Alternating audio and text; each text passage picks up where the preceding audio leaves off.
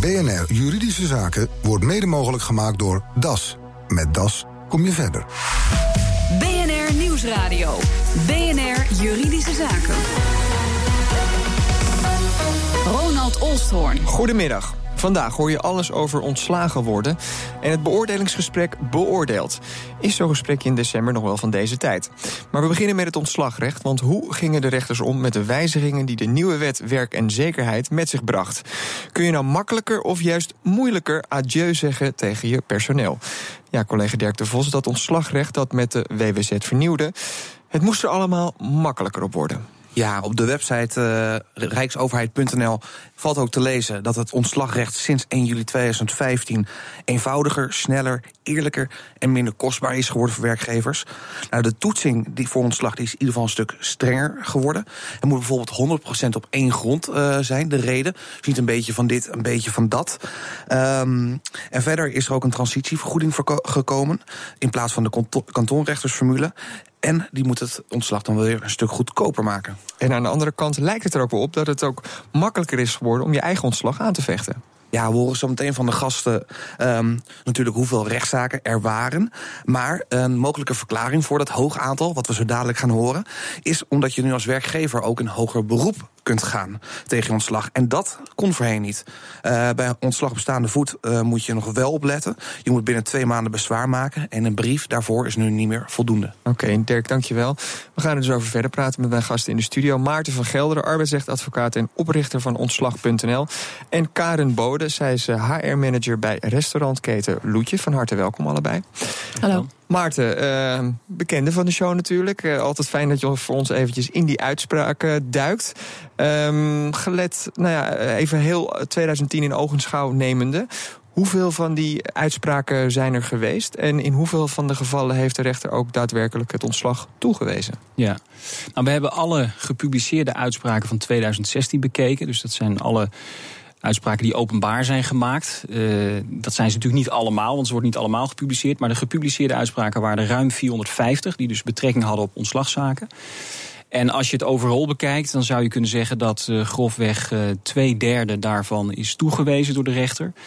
En, en grofweg dus een derde van de ontslagaanvragen die, uh, die leidt tot een afwijzing. En ja, dan wordt de werkgever weer naar huis gestuurd, zeg maar. Vind je het veel dat er een derde, dus twee derde wel, ja, een derde dat is, dat, is, uh, dat is veel in de zin dat er best veel afgewezen wordt. Uit eerdere onderzoeken van voor de nieuwe ontslagwet bleek dat 10 tot 15 procent van de ontslagzaken werd afgewezen door rechters.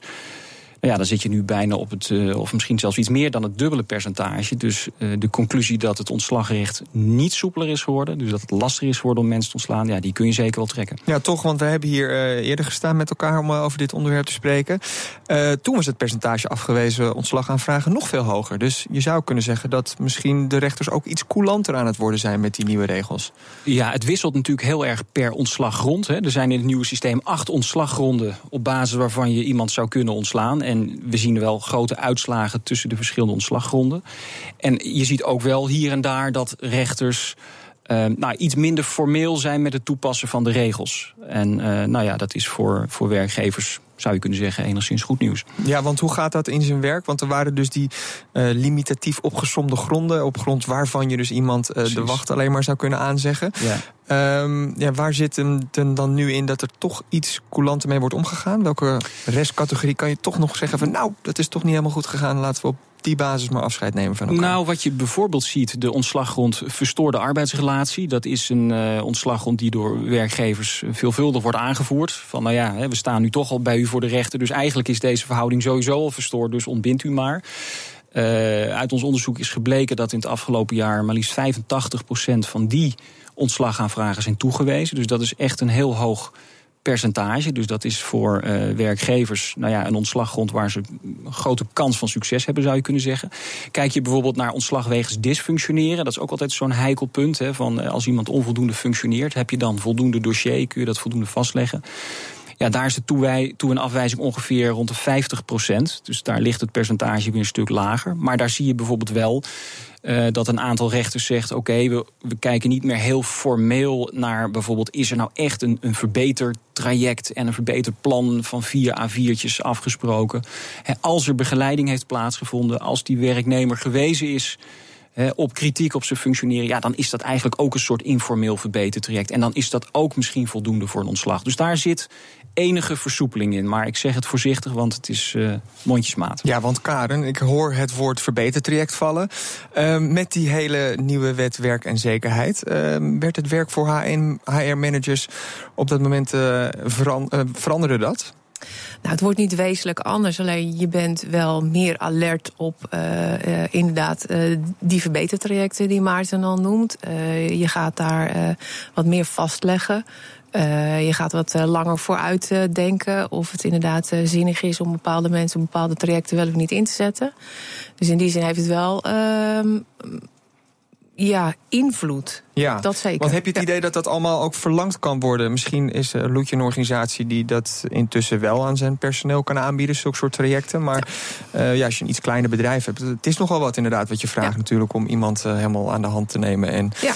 dat stap voor stap door te gaan nemen. Ja, maar ja, aan de andere kant, ik vind ook wel dat je, dat je werknemers uh, verschuldigd bent. Uh, je moet het samen klaren. En uh, ik denk dat je als werkgever heel erg verantwoordelijk bent om te zorgen dat die werknemer zijn werk kan doen.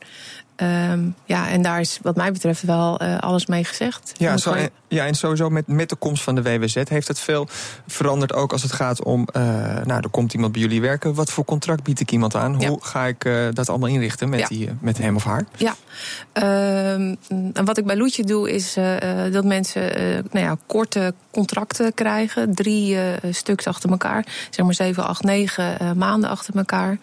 Um, ja, is misschien niet zo heel erg netjes om meteen met die zeven te beginnen. Want dan bouw je een proeftijd in. Maar ja, je moet er wel goed rekening mee houden. Uh, of je inderdaad de juiste mensen aanneemt op de juiste plek, op het juiste moment. Dat is wat HR doet uiteindelijk. Um, en ik kan me herinneren van voor de WWZ dat je daar anders mee omgaat. Ja? Ja, dan Want? is het gewoon meteen een jaar. Uh, of misschien zelfs in de, de hele uitzonderlijke gevallen meteen vast dienstverband. Ja, en dat was toch juist uh, niet de bedoeling van deze hele nieuwe wet, hè? Toch? Dat je Nee. zo berekenend ermee aan de slag gaat, nee, toch? nee Ja. ik heb altijd gedacht dat het anders zou, uh, zou bedoeld was. Maar ja, Ja. ik ga er zo mee om. En al voor de rechter gestaan eigenlijk, zelf? Nee. Of je, nee? Nee, nee. Ik probeer dat echt te voorkomen. Ja, ja, en dat is gelukt tot Ja. dusver. Ja. Mooi. Um, Maarten, er waren nog meer opvallende ontwikkelingen. We hadden het net dus even over het hoge beroep dat je kunt aanspannen Ja. in, uh, in ontslagzaken. En uh, er zijn natuurlijk nu twee routes. Als het gaat om bedrijfseconomisch ontslag, ga je naar het UWV. Al het andere ga je eigenlijk min of meer uh, naar de kantonrechter. Ja. Um, Bedrijfseconomisch bij het UWV en Ja. ook langdurige arbeidsongeschiktheid. Dat is ook nog zo'n eh, zo'n Exact. grond die bij het UWV ligt. maar wat blijkt, het loont om uh, te, te protesteren als je via de UWV uh, naar de uitgang wordt gewezen. Nou ja, dat vonden we een opvallende eh, conclusie. Uit de cijfers uh, bleek dat als het UWV een beslissing genomen heeft hè, over een reorganisatieontslag. Dan heb je dus inderdaad de mogelijkheid in het nieuwe systeem om binnen twee maanden de zaak opnieuw aan de kantonrechter voor te leggen. Dus de werknemer kan dat doen. Maar ook de werkgever kan dat doen hè, als die vindt dat het UWV ten onrechte geen ontslagvergunning heeft afgegeven. En wat we nou gezien hebben, dat in de gevallen waarin uh, mensen dat dus opnieuw aan de kantonrechter voorleggen, dat 40% van die zaken, die dus bij de kantonrechter worden neergelegd, de kantonrechter anders denkt over het ontslag, over het bedrijfseconomisch ontslag, dan het UWV. Wat toch heel opmerkelijk is, want zowel het UWV als de kantonrechter moeten precies aan de hand van dezelfde regels dat ontslag beoordelen. Ja, en daarbij werd het UWV ook altijd geroemd voor hun snelle afwikkeling van, uh, nou, van dit soort zaken. Precies, dat is nog steeds natuurlijk wel een, in, in die zin een beetje pikant gegeven dat minister Asje onlangs nog een brief heeft gestuurd aan de Tweede Kamer. En waarin die het UWV roemt van kijk eens, hè, meer dan 90% van al die ontslagzaken worden binnen vier weken afgewikkeld. Kijk eens hoe snel dat gaat. Ja, de snelheid zit er wel in. Maar als je dan ziet dat 40% van de rechters in zo'n zaak vindt dat het, dat het UWV eigenlijk een verkeerd oordeel gegeven heeft. Nou ja.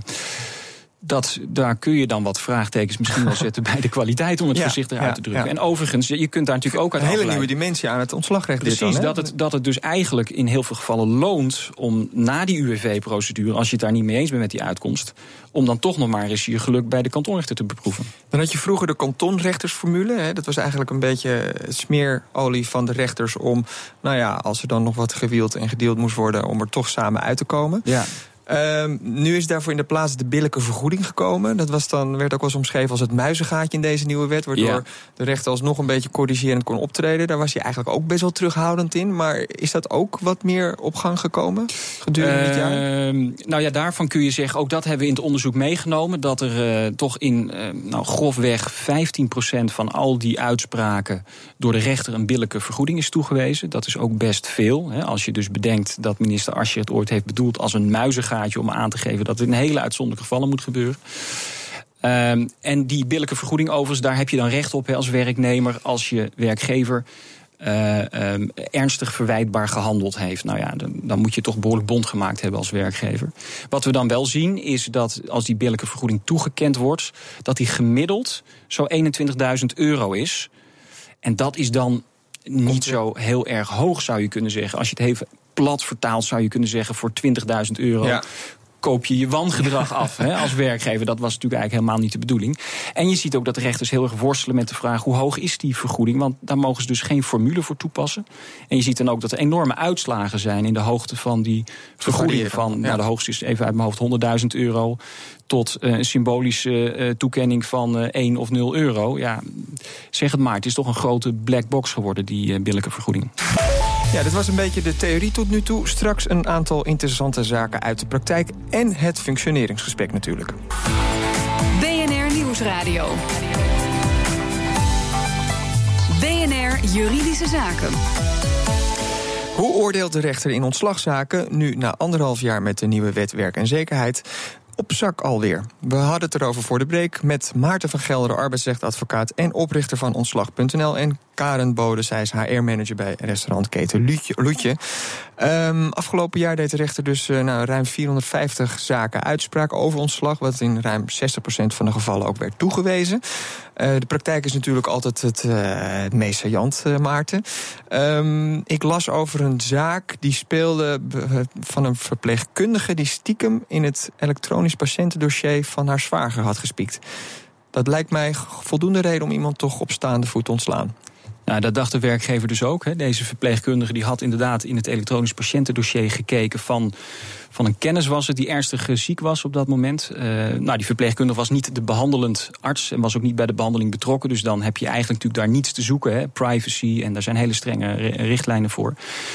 Werkgever besloot dus tot ontslag op staande voet. Zeiden ja, dit is zo ernstig, hè, dat moeten we onmiddellijk uh, moeten we daarmee stoppen.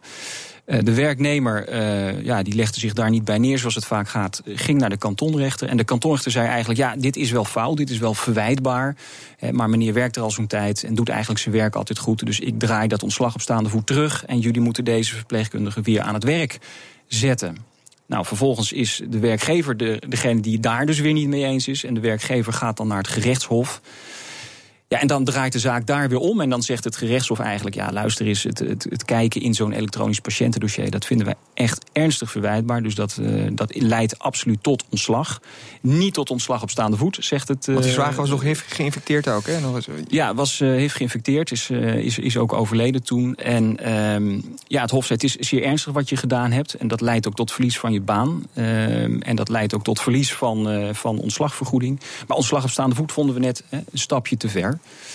Maar zo zie je dus dat rechters ook worstelen. Dat de ene rechter dus iets wel ernstig verwijtbaar vindt. Terwijl de andere rechter eigenlijk zegt: ja, het is een fout. Maar, wat is de moraal? Je moet echt wel heel zeker weten als je iemand eh, per, per direct eh, eruit uit de laan wil sturen. Zeker als het gaat om ontslag op staande voet. Uit de cijfers blijkt ook dat dat een, eh, een ontslagsoort is die heel vaak door de rechter wordt, ja, wordt gecorrigeerd. Zeg maar, dat werkgevers toch te snel tot ontslag op staande voet overgaan. Ja, en dat heeft grote financiële consequenties. Dus dan kun je beter nog eens eventjes tot tien tellen. En misschien een normale ontslag vraag indienen. Heb je je wel eens uh, vergalopeerd op dit terrein, Karen? Ik heb wel eens een zaak gehad uh, waarvan ik dacht: uh, dit is een uh, ontslag op staande voet. Maar uiteindelijk hebben we dat toch zeg maar in de minne kunnen schikken met die persoon. Je zet hem eerst op staande voet ontslagen ja. en toen. Ja, toen dacht ik: nou, laten we dat toch niet doen. Ja, nee, ja. dat. ja. En wat was er gebeurd? Of zonder natuurlijk de privacy van de betrokkenen te schaden? Ja, het was bij, een, bij een, een vorige werkgever. En die had wachtwoorden en zaken in software aangepast. Kijk eens, dat hoort allemaal niet. Dat hoort niet. Um, dan kan het zijn natuurlijk dat je ontslagen wordt. Uh, en dat er natuurlijk ook een ontslagvergoeding betaald moet worden. Um, er was ook nog een verhaal over een chauffeur die ook een beetje boos werd en om zich heen ging slaan. En moest hij nou, uiteindelijk kreeg hij wel wat geld mee of, of niet? Nou ja, ook dat was een uh, toch wat uh, opmerkelijke zaak. Een vrachtwagenchauffeur die inderdaad uh, wat verkeersirritatie krijgt, zo staat het zo mooi in het vonnis, met een medeweggebruiker. Bij een, bij een afrit naar een tankstation. De, de automobilist gaat tanken. Uh, en na het tanken haalt hij verhaal bij de vrachtwagenchauffeur. Uh, hij is nogal kwaad op die chauffeur en uh, geeft een flinke tik tegen de spiegel van zijn vrachtwagen. Nou, dat moet je niet doen bij vrachtwagenchauffeurs. Dat zei deze chauffeur dus ook. Maar daar blijft het niet bij. De, bleef, bleef niet bij. De automobilist die haalde ook nog de deur van de cabine open. En, en sloeg die vervolgens hard dicht, ook weer tegen die chauffeur aan. Nou, dat was echt de druppel. Hij pakte een staaf, een ijzeren staaf uit zijn vrachtauto en sloeg daarmee één keer stevig ja. naar de automobilist. Eén maar. Eén keer maar, zo stond het althans in het vonnis. Maar die één keer was wel voldoende voor de werkgever om te zeggen: Nou ja, dit, uh, dit kunnen we niet over onze kant laten gaan. Je hebt je laten uitdagen. En dit past natuurlijk helemaal niet bij ons bedrijf. Daar willen we niet mee geassocieerd worden. Uh, dus dat moet tot een ontslag leiden. Um, ja, dus de, de, de zaak werd bij de, bij de rechter aangekaart. En de, de werkgever zei: ja, dit is ernstig verwijtbaar. Daar past absoluut geen ontslagvergoeding bij. Kantonrechter was het daarmee eens. Vervolgens gaat de vrachtwagenchauffeur in hoger beroep. En het gerechtshof komt tot de toch wel opmerkelijke conclusie dat het weliswaar verwijtbaar is, dus dat het ontslag blijft staan, maar dat het niet ernstig verwijtbaar is en dat deze meneer toch recht heeft op een ontslagvergoeding. Dus in dit geval de ijzeren staaf. Het is toch grappig, weer het geen ernstig beroep. Ja. Want, want, voorheen was het natuurlijk in eerste instantie gewoon klaar. Dan was het klaar geweest. En je ja. ziet dat dus vaker nu. En je ziet dus ook dat in een derde van alle gevallen waarin hoger beroep wordt ingesteld, het gerechtshof anders denkt over zo'n zaak dan de kantonrechter in eerste aanleg. Ja, dus uh, in beroep gaan loont. Karen, um, wat misschien ook nog loont, of misschien wel helemaal niet meer. Het functioneringsgesprek aan het einde van het jaar. Uh, het staat er waarschijnlijk weer bol van in de, in de ja. vele HR-kamers. Uh, um, Doe jij het nog? Ben jij er nou, ik moet, je, ik moet je eigenlijk corrigeren, want het is niet een functioneringsgesprek. Het is zelfs een beoordelingsgesprek. Kijk eens aan. en het ja? functioneringsgesprek doe je halverwege het jaar. Uh, ik ben er wel groot voorstander van. Alhoewel er ook wel geluiden zijn dat je dat helemaal uh, moet afschaffen. En het grote uh, verschil is gewoon dat je een eindejaarsbalans opmaakt ook met elkaar of zo? Of wat, wat verschilt tussen ja, functioneren en beoordelen? Nou, functioneren is zeg maar twee richtingen op. Dan kan je elkaar vertellen of het goed gaat. En een beoordelingsgesprek is echt vanuit een leidinggevende naar een, een medewerker. En nou ja, goed, dan maak je inderdaad de balans op van dit heb je wel en dit heb je niet goed gedaan. Maar alles met het oog op verbetering van die medewerker.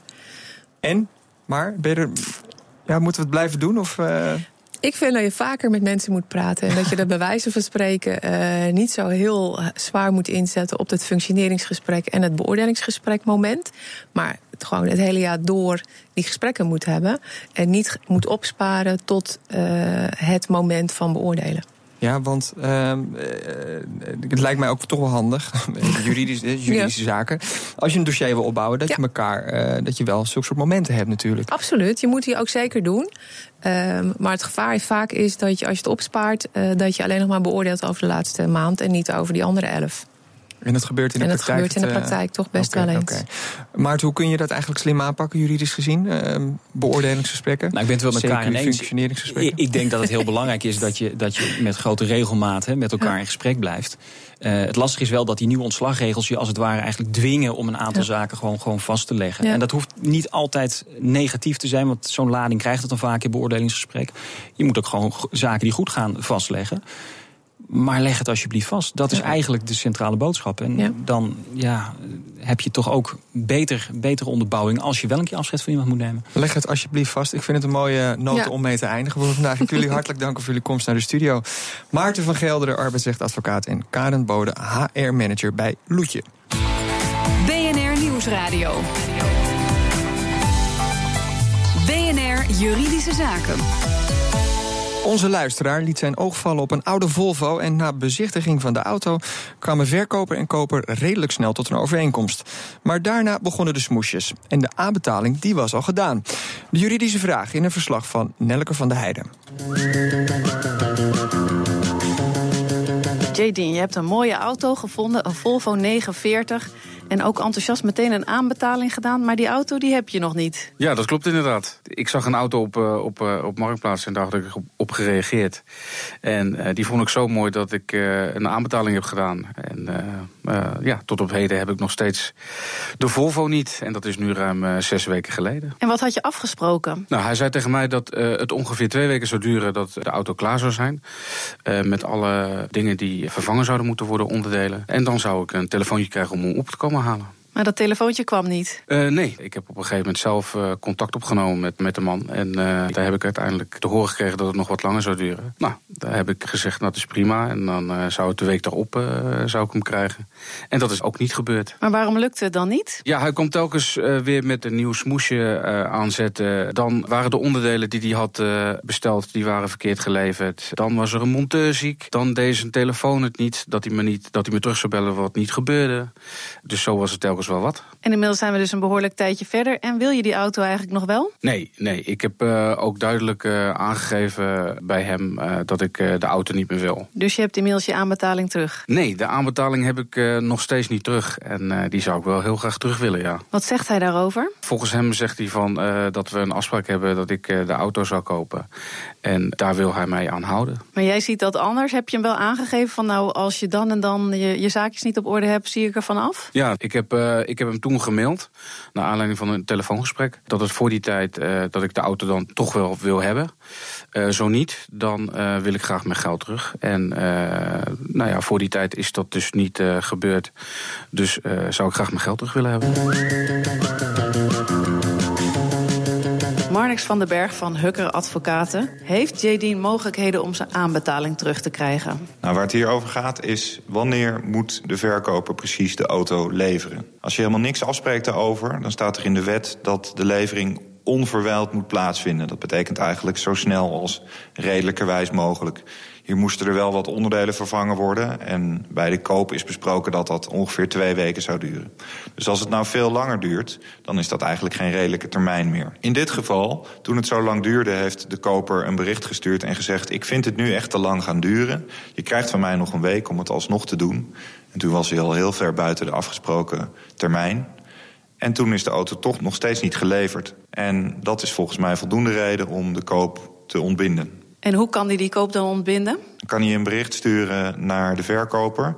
Eigenlijk heeft hij al aangekondigd dat de koop geen doorgang zou vinden als de auto niet op de afgesproken datum zou zijn geleverd. Maar dat kan hij nog een keer bevestigen in een brief.